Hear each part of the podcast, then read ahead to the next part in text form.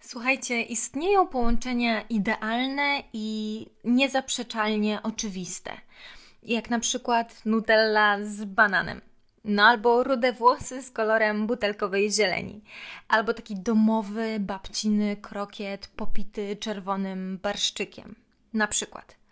No i analogicznie istnieją też te takie totalnie zjebane albo wręcz niewykonalne połączenia, jak na przykład legitne, białe skarpety z męskimi sandałami. No albo będąc na czasie naszej na przykład e, załóżmy narodowej kwarantanny, e, home office z małym dzieckiem w domu albo za słabym internetem. Ale są, słuchajcie, też te połączenia, które są nieoczywiste i o ich cudzysłowie sukcesie e, decyduje bardzo subiektywna interpretacja albo gust. Na przykład solony karmel. Albo frytki z maka jedzone najpierw po zamoczeniu tejże frytki w lodzie z maka z polewą. No, albo pizza z ananasem. Ja kiedy y, kogoś teraz zacytuję, chociaż nie pamiętam dokładnie kogo i czy to jota w jotę szło dokładnie tak, że z gustami literackimi jest po trosze jak z miłością. Zdumiewa nas, co to też inni wybierają. A no właśnie, czasami z perspektywy czasu wręcz zdumiewa nas, co to też sami sobie kiedyś wybraliśmy. Ja na przykład sobie czasami przypominam, i teraz Was też o to proszę, przypomnijcie sobie swoje poprzednie, nieudane, zakończone związki i przypomnijcie sobie tę świadomość, to uczucie, że Wy kiedyś tylko z nim albo tylko z nią chcieliście już na zawsze i po prostu życia sobie bez tej osoby nie wyobrażaliście i byście pewni, dalibyście sobie nogi, ręce, język, inne ważne części ciała poucinać, że już się w nikim nigdy tak nie zakochacie, że to już jest to, na amen. I jak się nie uda, no to już niczego nie, już po prostu kaplica a potem coś nie wychodzi i się okazuje, że wchodzimy w dużo szczęśliwsze związki e, z innymi ludźmi i nagle tam te odczucia stają się totalnie nieadekwatne, wręcz absurdalne. I na przykład mamy też takie odczucia, jak, jak myślimy o związkach swoich bliskich, które obserwujemy i jak je obserwujemy, to musimy się naprawdę zajebiście bardzo pilnować, żeby w trakcie tej obserwacji dosłownie nie zajebać czołem w ścianę, bo po prostu nie możemy uwierzyć w to, co widzimy. No a ci ludzie w tych związkach, nasi bliscy, się zdają być bardzo spełnieni i szczęśliwi, albo po prostu wiemy, że perfekcyjnie sobie owo szczęście wmawiają i udają. No to sobie, kochani, porozmawiajmy o tym w takim razie, czego i kogo ze sobą nie wybierać i nie łączyć i dlaczego w ogóle tak powinno być. I standardowo Wam przypominam, żebyście nie przypisywali kompletnie żadnego znaczenia do tego, czy mówię w formie męskiej czy żeńskiej. Słuchajcie, nie ma definicji udanego związku. Nie ma kuźwa przepisu na idealną relację, jakichś pięciu prostych kroków, które zastosujesz z jakiegoś poradnika i one zadziałają po prostu w każdym dniu miesiąca, y, cyklu, w przypadku partnerów, w każdym. No, no nie, po prostu złota idea związkowa, definicja nie istnieje, wbrew nawet zwolennikom odpowiednich połączeń, uwaga, znaków zodiaków. I teraz powiem coś, co się wydaje być oczywistym, i z tego miejsca apeluję wręcz, by takowym faktycznie zawsze było. Słuchajcie, jedynym wyznacznikiem jakości Twojego związku jesteś Ty sam, nie Twój partner, nie to, jaką aurę razem, mm, że tak powiem, wywieracie na swoim otoczeniu, na swoich rodzinach, czy nie w ogóle to otoczenie, które próbuje niejednokrotnie ci wmówić, że już na przykład czas na kolejne etapy tej relacji, albo że powinnaś się rozstać, bo to społecznie z jakiegoś powodu nie przystoi, czy też nie jest akceptowalne, albo idzie nie w tym tempie, co normalnie powinno iść, albo, albo kompletnie nie w tej y, kolejności. I słuchaj, Twoje przyjaciółki, jak bardzo by cię nie kochały i jak bardzo by się nie troszczyły, też nigdy w 100% nie poznają prawdy o Twoim związku i nie będą w stanie go ocenić. Tak samo ani Twoja mama, ani Twój tata również nie będą adekwatni do oceny. Czy dobrze wybrałeś, wybrałaś i czy dobrze Wam się wiedzie, bo tego nie wie nikt. Podkreślam, nie wie tego nikt oprócz ciebie. I nawet jeżeli przeciętnie jakaś laska posrałaby się dosłownie motylkami ze szczęścia na Twoim miejscu, bo potencjalnie masz wszystko i joch, jach, to kompletnie nie powinno Cię to interesować, jeśli w tym pożygu, pożygu tęczą coś Cię zaczyna uwierać. Doskwierać, przeszkadzać, drapać jak nieucięta metka, jeżeli zaczynasz czuć, że coś jest nie tak. I ja wiem, że niejednokrotnie w pierwszej kolejności być może będziesz próbować stłumić w sobie ten taki nieśmiały głosiczek, że jednak coś ci się nie podoba, chociaż powinno. No ale jak wszyscy mówią, że jest tak super, a ty czujesz, że, że toniesz, no to jak masz e, nie próbować tego głosu w sobie stłumić? No słuchajcie, ja nigdy nie miałam zdrowego wzorca nietoksycznej relacji. Być może ty też nie miałeś, nie miałaś. Kiedy myślę o takiej zdrowej relacji, o rzeczach, które w definicji budowanej na podstawie zdecydowanie nieodpowiednich doświadczeń, zarówno moich, jak i moich bliskich, czy ludzi, którzy ze mną rozmawiali, bądź e, robią to regularnie. I oczywiście tutaj hołdując myśli nie poradnika, no my tych wzorców nie mieliśmy. My szukaliśmy nietoksycznych relacji, e, odpowiednich wartości i miłości po omacku i wymieńmy sobie kilka takich bullet pointów dotyczących dobrej relacji, nietoksycznej, czyli tej, której pewnie której pewnie doświadczyliśmy zdecydowanie rzadziej niż tej właśnie takiej toksycznej, wymagającej relacji typowej osoby, która wychowała się w niepełnej rodzinie albo w rodzinie pełnej patologii czy nadużyć. I słuchajcie, dla niektórych osób to, co teraz powiem, też będzie totalnie y, oczywistą oczywistością, ale zaufajcie mi, zdecydowanie nie jest dla wszystkich i jak to usłyszysz, to też może się okazać, że w swojej głowie stworzyłeś w ogóle y, dopasowaną definicję do zaistniałej sytuacji, a ona ma kompletnie nic wspólnego z tym, jak zdrowa relacja naprawdę może między ludźmi wyglądać takim zdrowym związku przede wszystkim powinieneś móc czuć się bezwarunkowo bezpiecznie. Nawet jeżeli nie czujesz się 24 godziny na dobę najszczęśliwszą kobietą na świecie, e, to nie znaczy, że jesteś w niezdrowej relacji, jeżeli możesz się w niej czuć bezwarunkowo bezpiecznie. Kochani, porzućmy bajki. Miłość rodem z komedii romantycznych to jest bullshit. Już o tym rozmawialiśmy w odcinku o relacji niedoskonałej.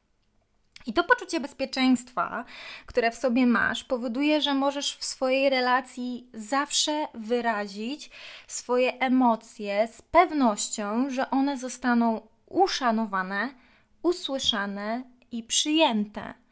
Nawet jeżeli Twój partner nie zawsze je zrozumie, czy przyzna Ci w nich rację. W takim zdrowym związku partnerzy powinni być niezależni finansowo, spełniać się w niezależnych od partnera rolach, takich swoich i tylko swoich, oprócz oczywiście roli jego czy jej partnerki. I, I, ja na przykład bym chciała bardzo niezależnie realizować odrębne obszary mojej osobowości i mojego jestestwa. No i oczywiście sama o sobie decydować co się tyczy zarówno rzeczy wielkich, jak i kompletnie małych i głupkowatych. Słuchajcie, ja wiem, że to brzmi po prostu jak frazes i jak banał, ale dla ludzi uwikłanych w bardzo toksyczne relacje czy połączenia to zdecydowanie nie jest y, oczywiste i bardzo często takie podejście decydowania o sobie i niezależności w związku jest mylone z jakimś takim egoizmem, i brakiem zaangażowania, co w ogóle nie ma z tym nic wspólnego, no bo nikt nigdy nie powiedział, że w decydowaniu o sobie i realizacji y, siebie twój partner no nie jest cały czas brany pod uwagę i niejednokrotnie nie jest w tych decyzjach priorytetem. W takim normalnym, nie toksycznym związku, teraz będzie zlepek słów, powinno się odczuwać, uwaga, normalność, a nie po prostu jakieś fajerwerki i wahadła i burze, a potem yy, po prostu jakieś niezapowiedziane promienie słońca i, i tęcze. To powinna być normalność takiej bliskości i stabilizacji, świadcząca o tym, że czas tak zwanego miesiąca miodowego z początku relacji dobiegł końca i jesteśmy ze sobą już naprawdę. A co za tym idzie, nie musimy czuć się wyjątkowo non stop, co jest w normalnym, codziennym życiu no po prostu niemożliwe.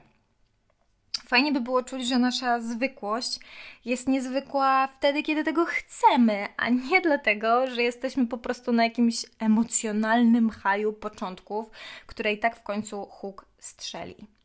I w takim e, związku zdecydowanie nie powinno być przestrzeni na ciągłe wahania atmosfery, na skrajności od wspaniałych do tragicznych momentów, na po prostu amplitudę skrajności, jakieś wariactwa w kochaniu i wariactwa w nienawiści, w konflikcie. No to zaprzecza, słuchajcie, kompletnie bezpieczeństwu z punktu pierwszego. I te wszystkie rzeczy, które teraz wymieniłam, i mogłabym ich wymienić jeszcze mnóstwo, są nie do osiągnięcia w połączeniu z pewnymi cechami osobowości, czy też wręcz zaburzeniami, które nie są wręcz oczywistymi zaburzeniami y, i bardzo często są podświadome i bardzo ciężkie do y, wykrycia. No i taki zdrowy związek jest również nie do osiągnięcia, jeśli ludzie się makabrycznie źle dobiorą i o tym też zaraz opowiem. Jeżeli się spotka taka pani skarpetka z takim panem sandałem. I słuchajcie, jeżeli mówimy o połączeniach niewykonalnych, to przede wszystkim w pierwszej kolejności nie da się, ale to nie da się nawiązać nietoksycznej relacji z osobą uzależnioną. Bo choćby skały srały i choćby ci przysięgał miliony razy, że już się nigdy nie napije, nie zaćpa, nie zagra, whatever, tylko ty mu wybacz ten kolejny raz, a potem kolejny, kolejny, kolejny, kolejny, kolejny i tak dosłownie do twojego emocjonalnego pożygu bo owy uzależniony kaja się tylko przy wpadce czy przy łapaniu, ale no oczywiście okiełznać swojego uzależnienia w jakikolwiek sposób profesjonalny i dorosły no nie zamierza.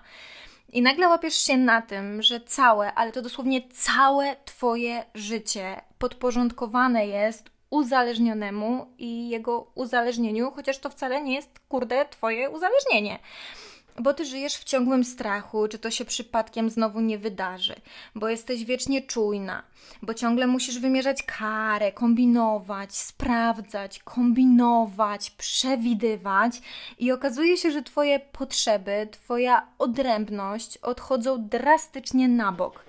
I słuchajcie, ja wiem, ja wiem, że są osoby, które odnajdują się w roli wybawiciela i uważają, że to jest y, szlachetne, cierpienie w imię miłości. No, problem jednak takiej toksycznej relacji, w której notabene paradoksalnie najczęściej lądują osoby, które wychowały się z uzależnionym członkiem rodziny, no to toksyczność takiej relacji polega przede wszystkim na tym, że miłość sama w sobie, bez podjęcia odpowiednich działań, nigdy nikogo z uzależnienia magicznie nie uleczyła i nie uleczy. I to będzie naprawdę niekończąca się historia i niekończące się po prostu koło i pętla dramatu, dopóki osoba uzależniona faktycznie nie podejmie odpowiednich kroków. No, w przeciwnym razie ostatni raz będzie e, ostatnim, ale jedynie do kolejnego razu. Więc jeżeli mówimy o relacji nietoksycznej, no to zdecydowanie ona jest niewykonalna w połączeniu z osobą uzależnioną.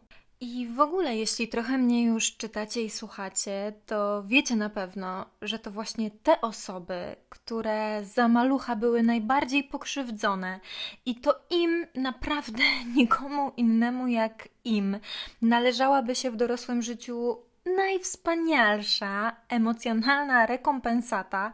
Najczęściej, jeśli oczywiście nie przerabią swoich schematów, najczęściej to one wybierają po prostu najgorsze połączenia, podświadomie odzwierciedlając to gówno, które przeżywało jego dziecko. Bo tylko to znając, znają, więc tylko to, y, tylko w tym się paradoksalnie czują bezpiecznie. Tylko to jest y, bezpieczeństwo bardzo oszukane, podobne jak to bezpieczeństwo z poczuciem każdego, kto w dobie kwarantanny wykupił ze sklepu całą srajtaśpę i teraz myśli, że jest nie do ruszenia. I to dlatego kobiety, które wychowały się bez ojca, wybierają te połączenia i relacje, przez które czują się bardzo samotne i są stale porzucane. albo kobiety, które patrzyły na wieczne sponiewieranie matek przez ojców, są najczęściej partnerkami nieszanowanymi, pomiatanymi i pomijanymi. Kobiety, których ojcowie byli surowi i oceniający, a słowa kocham cię wydobywały się z nich z trudnością turbobolesnego zatwardzenia, są potem z zimnymi, niedostępnymi emocjonalnie mężczyznami. I każda z nich, ale to każda z nich tęskni do kogoś i czegoś zupełnie innego. Jednak wciąż i wciąż uparcie na nieświadomce wybierają i łączą się tak samo toksycznie.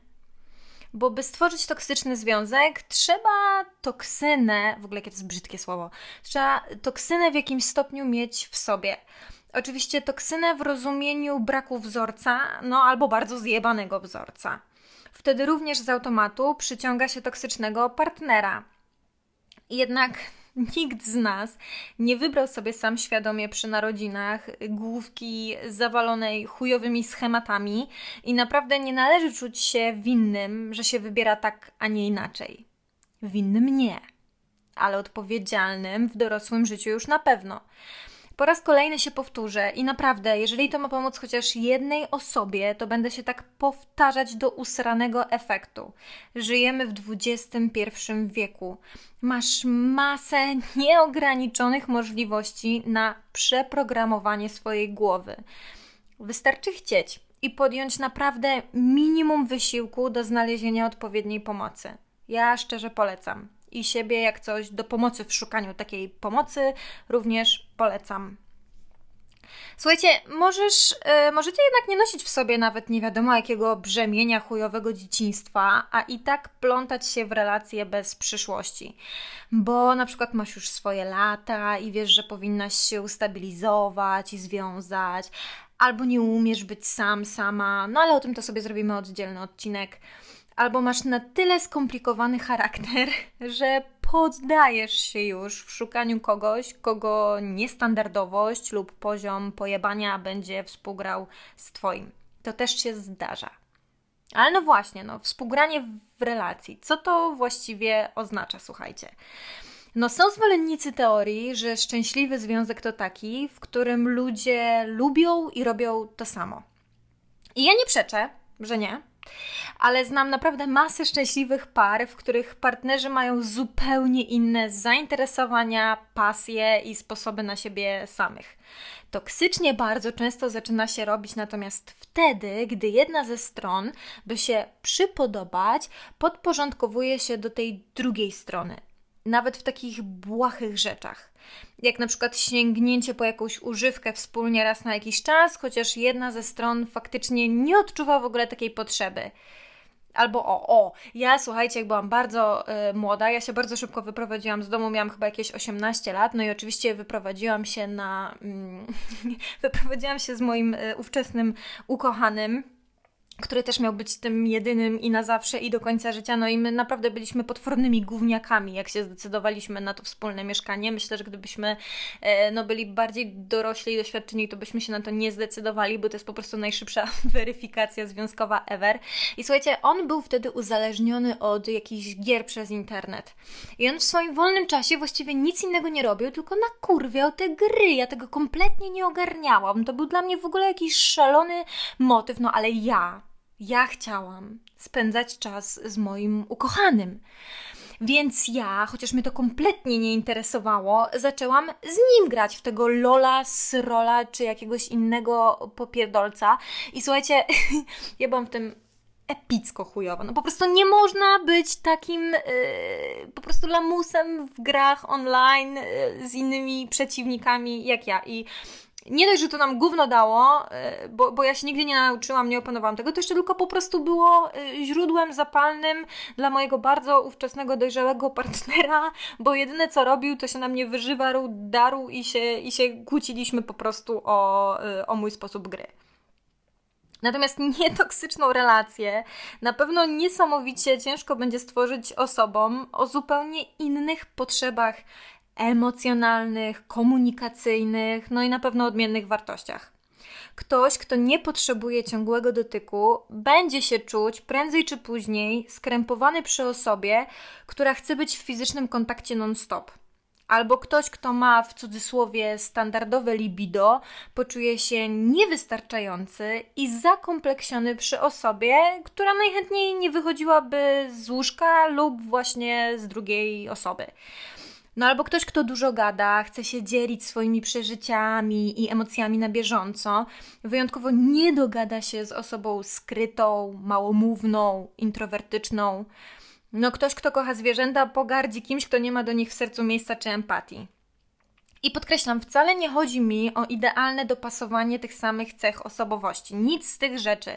Introwertyk potrafi się naprawdę wspaniale dograć i czuć z ekstrawertykiem, a nic się tak skutecznie nie przyciąga czasami i nie uzupełnia jak przeciwieństwa. Są jednak pewne potrzeby w nas samych, takie korowe potrzeby, których nie możemy ignorować, jeżeli chcemy czuć się szczęśliwi.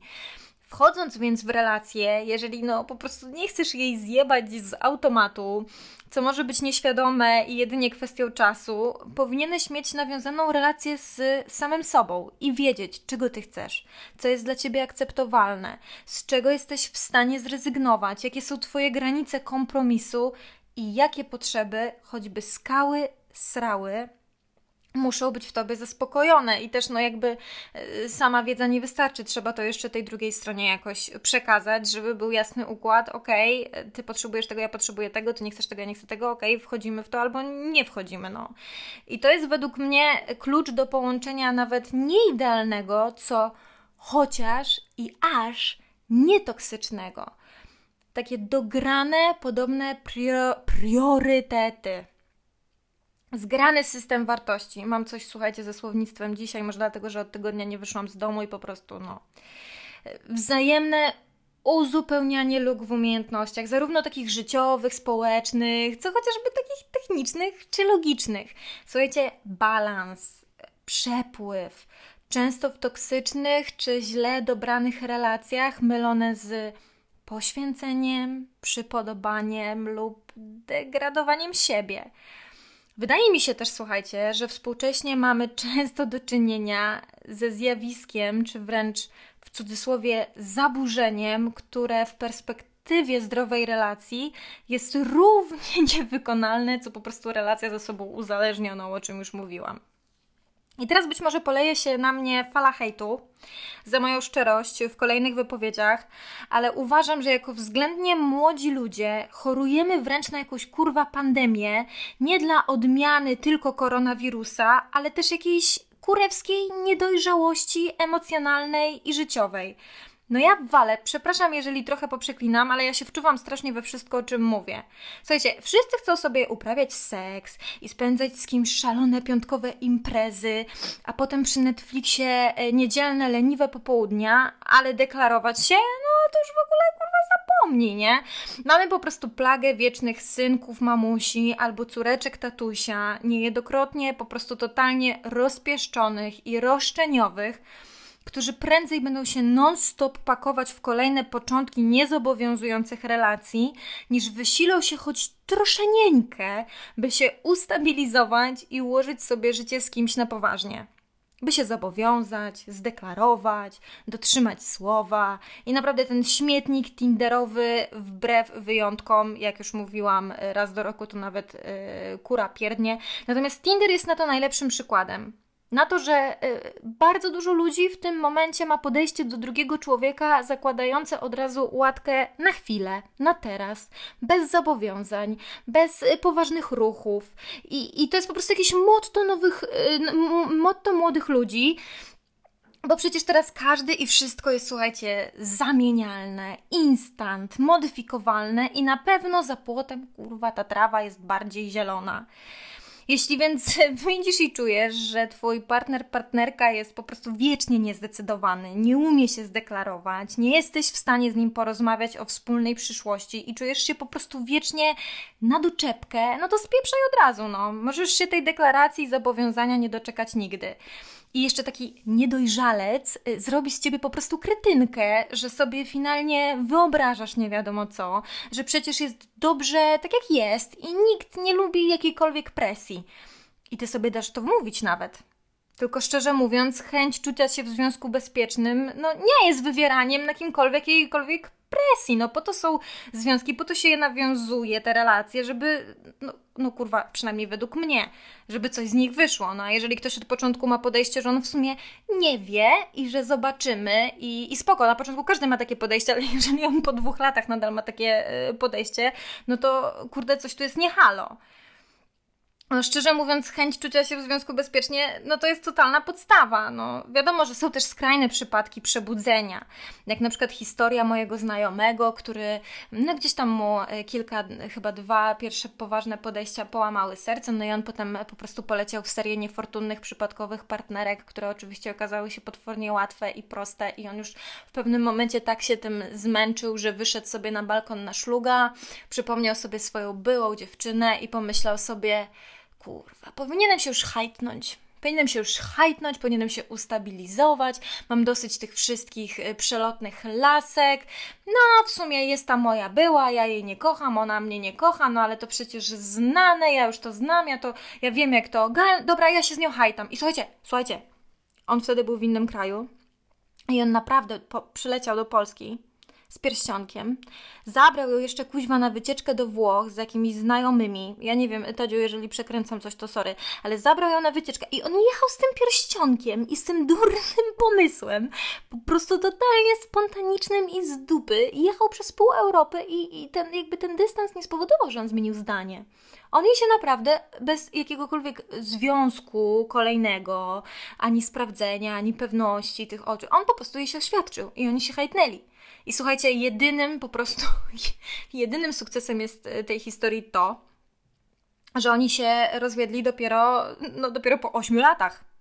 Także pozdro Tadziu, no ale takie nieprzemyślane zobowiązania to też niekoniecznie coś, o czego braku przed chwilą mówiłam.